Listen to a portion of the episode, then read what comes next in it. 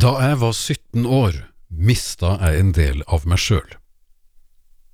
Det var ikke storbiten, den var rundt regna en kvadratcentimeter stor, men den hadde vært en rettmessig del av meg i 17 år, og nå lå den blodig i utslagsvasken.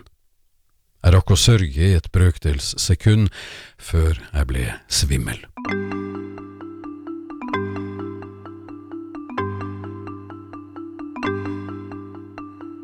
Slik hadde det seg. Jeg sto og spikket en treskje. Jeg hadde funnet et godt bjørkeemne, ferskt og fuktig fra en av de øverste greinene den våren. Brått glapp tollekniven og skar seg inn i venstre hånds pekefinger, og deretter lå kjøttstykket i vasken blant trefliser og potetskall. Som sagt, sorgen, svimmelheten. Det blødde avsindig. Jeg grep en oppvaskklut, men den blødde gjennom. Så skifta jeg grep til T-skjorta, men den trakk bare mer blod. Og uten at jeg i dag helt kan gjøre rede for hvordan, satt jeg i drosje på vei til akutten. På legekontoret sa de dessverre, her er det ingenting vi kan gjøre, og de sto rådville i hvite frakker på linoleumsgulvet og mumlet. Deretter surra de fingrene med noe plast fra felleskjøpet Gjør man slikt fortsatt? De ringte ambulansen i bygda, som kom fra en eh, bygdefest med en kar som hadde tatt tidlig kveld. Og dette var en vakker vårkveld, det kan jeg bare si. Sykehuskorridorene med sine sprinkelsenger og bekkener på bord langs veggene lukta jern og mild såpe, husker jeg. Fingeren dunka, og jeg tenkte ja, nå er jeg spent på opplegget. Det kom en lege, det kom to. Den eldste av dem var snakkesalig, sa at dette skulle han ordne. Han hadde lært noe på et seminar. Han henta noe i et skap. En eske. Det var en høvel. Ny fra fabrikken. Han pakket den ut. Skal vi se, sa han og bretta ut bruksanvisningen. Jaha, ja, sånn var det, ja. Gjør ham klar, sa han. Den andre legen, som var taus og virka blodfattig og trett, ga meg ei sprøyte i venstre albue. Armen dovna bort på sekunder. Den snakkesalige la ut om været og våren, tok brått tak i den venstre armen min, satte høvelbladet på skrå og høvla vekk et stykke kjøtt og hud fra overarmen. Følelsen i armen kom tilbake et kort øyeblikk.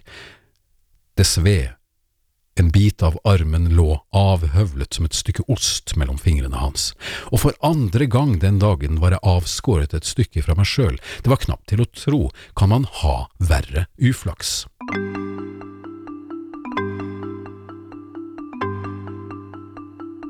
Men han hadde selvsagt en plan, med nål og tråd sydde han fast biten av armen på fingertuppen, klippa den fint til rundt, og det føltes som om noe smatt på plass. Selv om det var fra feil sted, så kom det i alle fall i rett tid. Det er ikke slik i dag, mange år seinere, som jeg noen ganger liker å innbille barn jeg vil imponere, at jeg kjenner det kile på overarmen når jeg tar på pekefingertuppen. Følelsen sitter fortsatt i fingeren, og hvis ikke det er magi, så vet ikke jeg. Hva som derimot er sant, deler av denne teksten er i bokstavelig forstand skrevet med venstre hånds overarm. Og det er et partytriks som vil forfølge meg hele livet.